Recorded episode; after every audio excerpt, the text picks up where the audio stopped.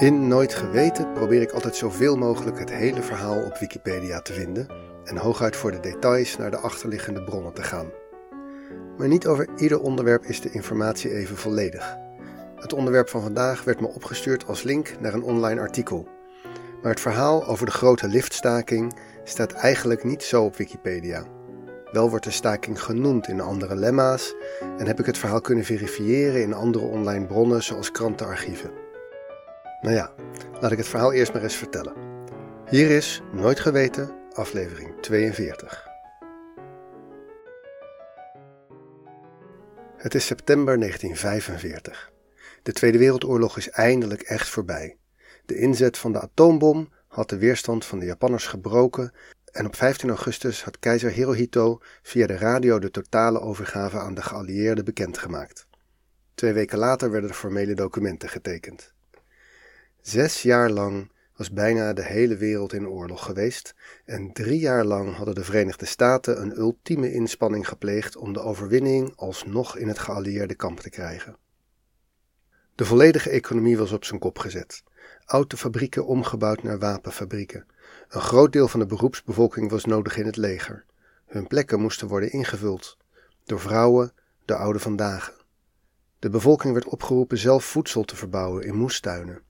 Schoolkinderen moesten helpen de oogst van het land te halen. Niet alleen de soldaten, vrijwel iedereen in de Verenigde Staten had het gevoel dat ze een aantal jaren niet hadden gezeurd, niet aan zichzelf hadden gedacht en voor de goede zaak hun schouders eronder hadden gezet. En het had gewerkt. Zowel in de Europese oorlog als in de Pacific hadden de Amerikanen de kastanjes uit het vuur gehaald en hadden ze de oorlog beslist. Dus nu mocht daar wel eens wat voor terugkomen. In de jaren 1945 en 1946 maakten de Verenigde Staten de grootste golf van stakingen uit de geschiedenis mee. Iedereen vond dat het nu wel eens tijd werd voor een loonsverhoging of een verbetering van de omstandigheden. Een van de eerste stakingen in die golf was de grote liftstaking, al een paar weken na het tekenen van de overgave door Japan. Liften werden in die tijd nog bediend door een professional, die moest zorgen dat de lift precies op de goede plek stopte, dat passagiers netjes afstand hielden van de voorbijbewegende hekken, en in geval van nood had hij een noodknop. De liftbediende had een eigen vakbond en die had al jaren weinig succes gehad in het binnenhalen van betere salarissen. Dus nu het niet meer echt onpatriotisch was om te gaan staken en ze er in de onderhandelingen niet uitkwamen, besloten ze de boel direct plat te gooien. En dus zagen de meeste werknemers in Manhattan die ochtend al van een afstand dat er iets mis was op hun kantoor. De liften stonden er gewoon, maar de werknemers van de 50 tot 100 verdiepingen boven de lobby piekerden er niet over om in die liften te stappen zonder professionele begeleiding. Iedere ochtend en iedere avond zagen ze al jarenlang hoe de liftbedienden dat deden. En zo ingewikkeld is de bediening van een lift nu ook weer niet. Maar het zat niet in het systeem van mensen om de lift zelf te bedienen. Met de kantoorwerkers van 50 verdiepingen is de lobby van een gebouw snel vol.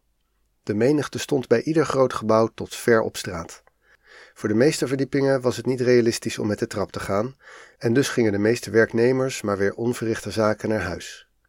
Er deden ongeveer 11.000 liftbedienden mee aan de staking en daarmee legden ze ruim 1000 gebouwen volledig stil.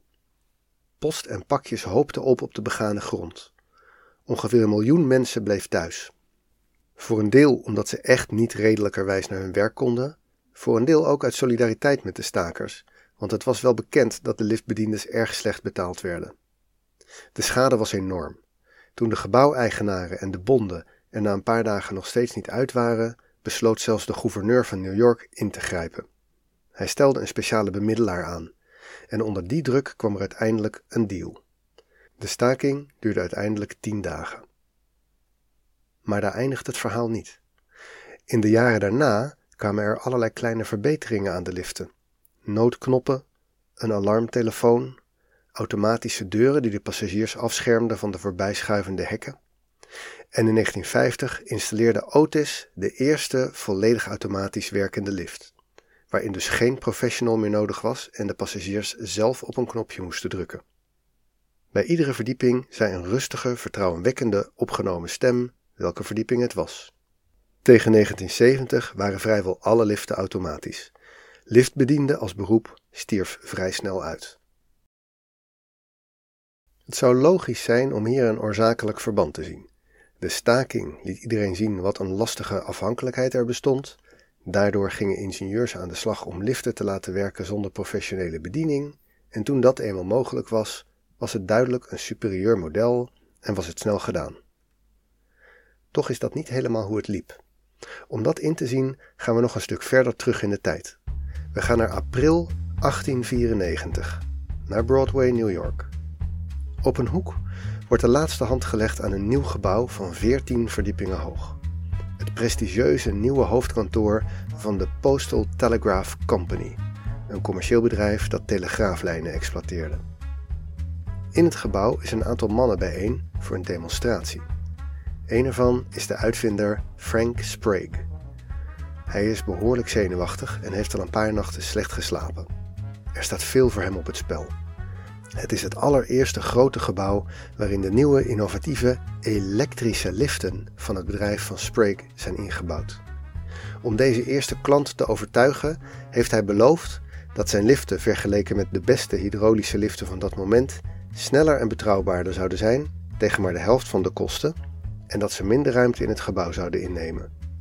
En dat als de klant bij oplevering ontevreden zou zijn, dat hij dan op eigen kosten zijn liften er weer uit zou halen en klassieke hydraulische liften zou laten installeren. Voor Frank Sprague gaat deze demonstratie over het verschil tussen een droomstart voor zijn onderneming en bankroet. Liften waren in die tijd al een standaard onderdeel van gebouwen. In 1854 had Elisha Otis zijn beroemde demonstratie gedaan van de veiligheidslift, waarbij hij zelf in de liftkooi stond terwijl zijn medewerkers de kabel doorhakten. Daarna was het vertrouwen bij het publiek groot genoeg om in zo'n hangend kooitje te stappen. Dat veranderde Manhattan ingrijpend in de decennia daarna. Plotseling was niet meer de eerste verdieping de verdieping waar de directeur zetelde, omdat je dan niet zoveel trappen hoefde te lopen, maar juist de bovenste, vanwege het uitzicht. En misschien ook vanwege de psychologie van boven iedereen verheven zijn. De gebouwen werden ook een categorie hoger. Het eerste bedrijf met een Otis passagierslift had vijf verdiepingen. Hoger dan dat werd daarvoor eigenlijk niet gebouwd. In de jaren daarna werden de gebouwen steeds hoger, tot een verdieping of 10, 12, maar niet echt hoger dan dat. De liften in die begintijd waren heel traag. Ze werkten eerst met een stoommachine en later met een hydraulische cilinder. Het hydraulische systeem was duidelijk beter en comfortabeler dan de stoommachine, maar de hoogte van zo'n cilinder was niet onbeperkt. Hoe hoger hij moest kunnen komen, hoe breder hij helemaal beneden moest zijn. En daarom zie je dat systeem tegenwoordig alleen nog maar bij liften van maximaal 5 verdiepingen. Dat was het gat in de markt dat Frank Sprague had gezien. Een snelle, comfortabele lift die hoger kon reiken dan hydraulisch. Hij was een elektrotechnisch ingenieur, had een jaartje in het bedrijf van Edison gewerkt, maar was al snel voor zichzelf begonnen. Hij ontwierp een verbeterde elektrische motor en gebruikte die voor de ontwikkeling van elektrische trams. Met die elektrische motoren, zonder rook, konden de trams ook ondergronds gebruikt worden en zijn systeem werd de basis voor de metro. Maar toen hij daar nog maar een paar jaar mee bezig was en voordat het zo'n groot succes werd, verkocht hij het bedrijf aan Edison en verlegde zijn aandacht naar liften. De demonstratie van zijn liften aan de architect van het Postal Telegraph Company gebouw werd uiteraard een groot succes. Dat maakte zijn tweede bedrijf ook weer een klapper. Binnen twee jaar had het bedrijf opdrachten binnen voor 584 liften. Vervolgens verkocht hij het bedrijf aan Otis. Misschien was hij bang dat hij het uiteindelijk tegen de marktdominantie van Otis toch zou afleggen. Misschien vond hij het werk na het ontwikkelen van het superieure product gewoon minder interessant. Maar de elektrische lift was ook enorm belangrijk voor New York en uiteindelijk voor de wereld. Nu de beperking in hoogte van de hydraulische lift wegviel en liften ook veel sneller konden worden gemaakt, nu was het ineens aantrekkelijk om hoger te bouwen dan die 14 verdiepingen van het Postal Telegraph Company gebouw. In de jaren daarna zag New York elke paar jaar een nieuw hoogste gebouw ter wereld, totdat in 1913 het Woolworth gebouw met 60 verdiepingen een hele tijd de absolute top bleef. Maar waarom vertel ik nou over Frank Sprague? Het gaat me om de lijst innovaties die hij deed aan de lift in die paar jaar voordat hij de tent verkocht aan Otis. Hij had dus die superieure, krachtige elektromotor, maar hij had nog meer snufjes bedacht. Zo had hij een systeem dat de acceleratie gecontroleerd liet gebeuren, zodat je niet met een schok op snelheid en tot stilstand kwam. Hij maakte een systeem waardoor de motor de lift precies op de hoogte van de vloer stilzette en als klap op de vuurpijl had hij een systeem voor automatische liftbesturing. Mijn vraag hierbij is: als al in 1894 ingenieurs een lift konden maken, waar je op een knopje kon drukken, waarna de lift voorzichtig op snelheid kwam en weer voorzichtig afremde om precies op het niveau van de gewenste verdieping tot stilstand te komen, als dat allemaal al kon, waarom duurde het dan nog tot 1950 voordat Otis de eerste automatische lift installeerde? Het antwoord heeft iets met psychologie te maken. Er was weerstand bij het publiek om zich over te leveren aan een machine zonder bestuurder. Het voelde veiliger met een professionele bestuurder. Die gedroegen zich ook een beetje gewichtig, droegen een uniform, benadrukten dat mensen niet in de buurt van de deur mochten komen, deden met de hand eerst de binnendeur en daarna de buitendeur open, maar goed dat er een expert aan boord was. Terwijl een ritje in een lift, ook toen al, een van de allerveiligste manieren van transport was. In ieder geval een stuk veiliger dan lopen op de stoep, lopen op een trap of nog erger, een roltrap. Maar mensen hebben soms een duwtje nodig om een nieuwe werkelijkheid in te gaan. Zonder duwtje voelt het onveilig.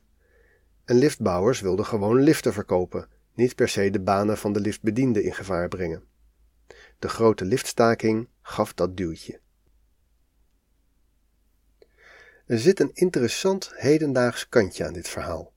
En dat is de link met zelfrijdende auto's.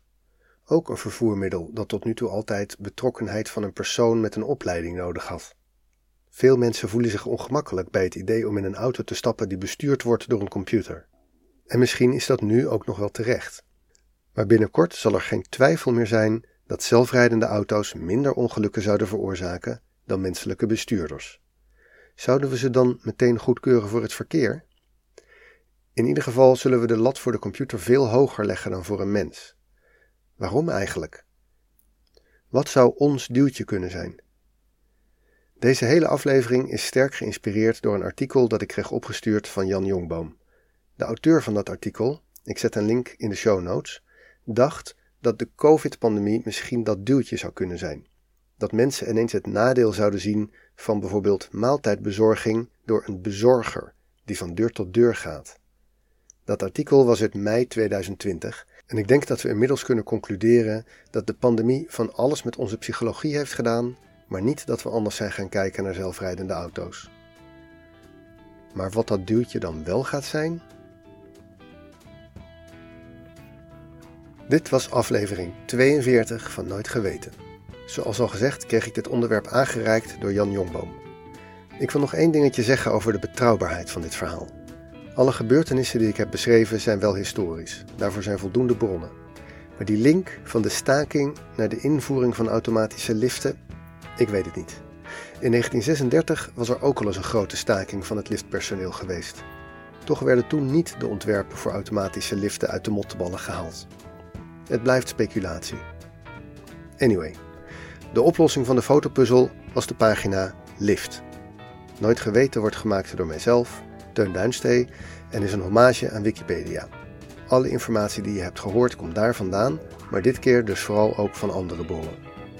Je vindt meer details over dit onderwerp via de links in de show notes. En daar vind je ook een Wikipedia-fotopuzzel waarmee je kan uitpuzzelen waar de volgende aflevering over gaat. De kerstaflevering. Veel dank natuurlijk aan alle schrijvers die hebben bijgedragen aan de artikelen aan de makers van de muziek en natuurlijk aan jou voor het luisteren.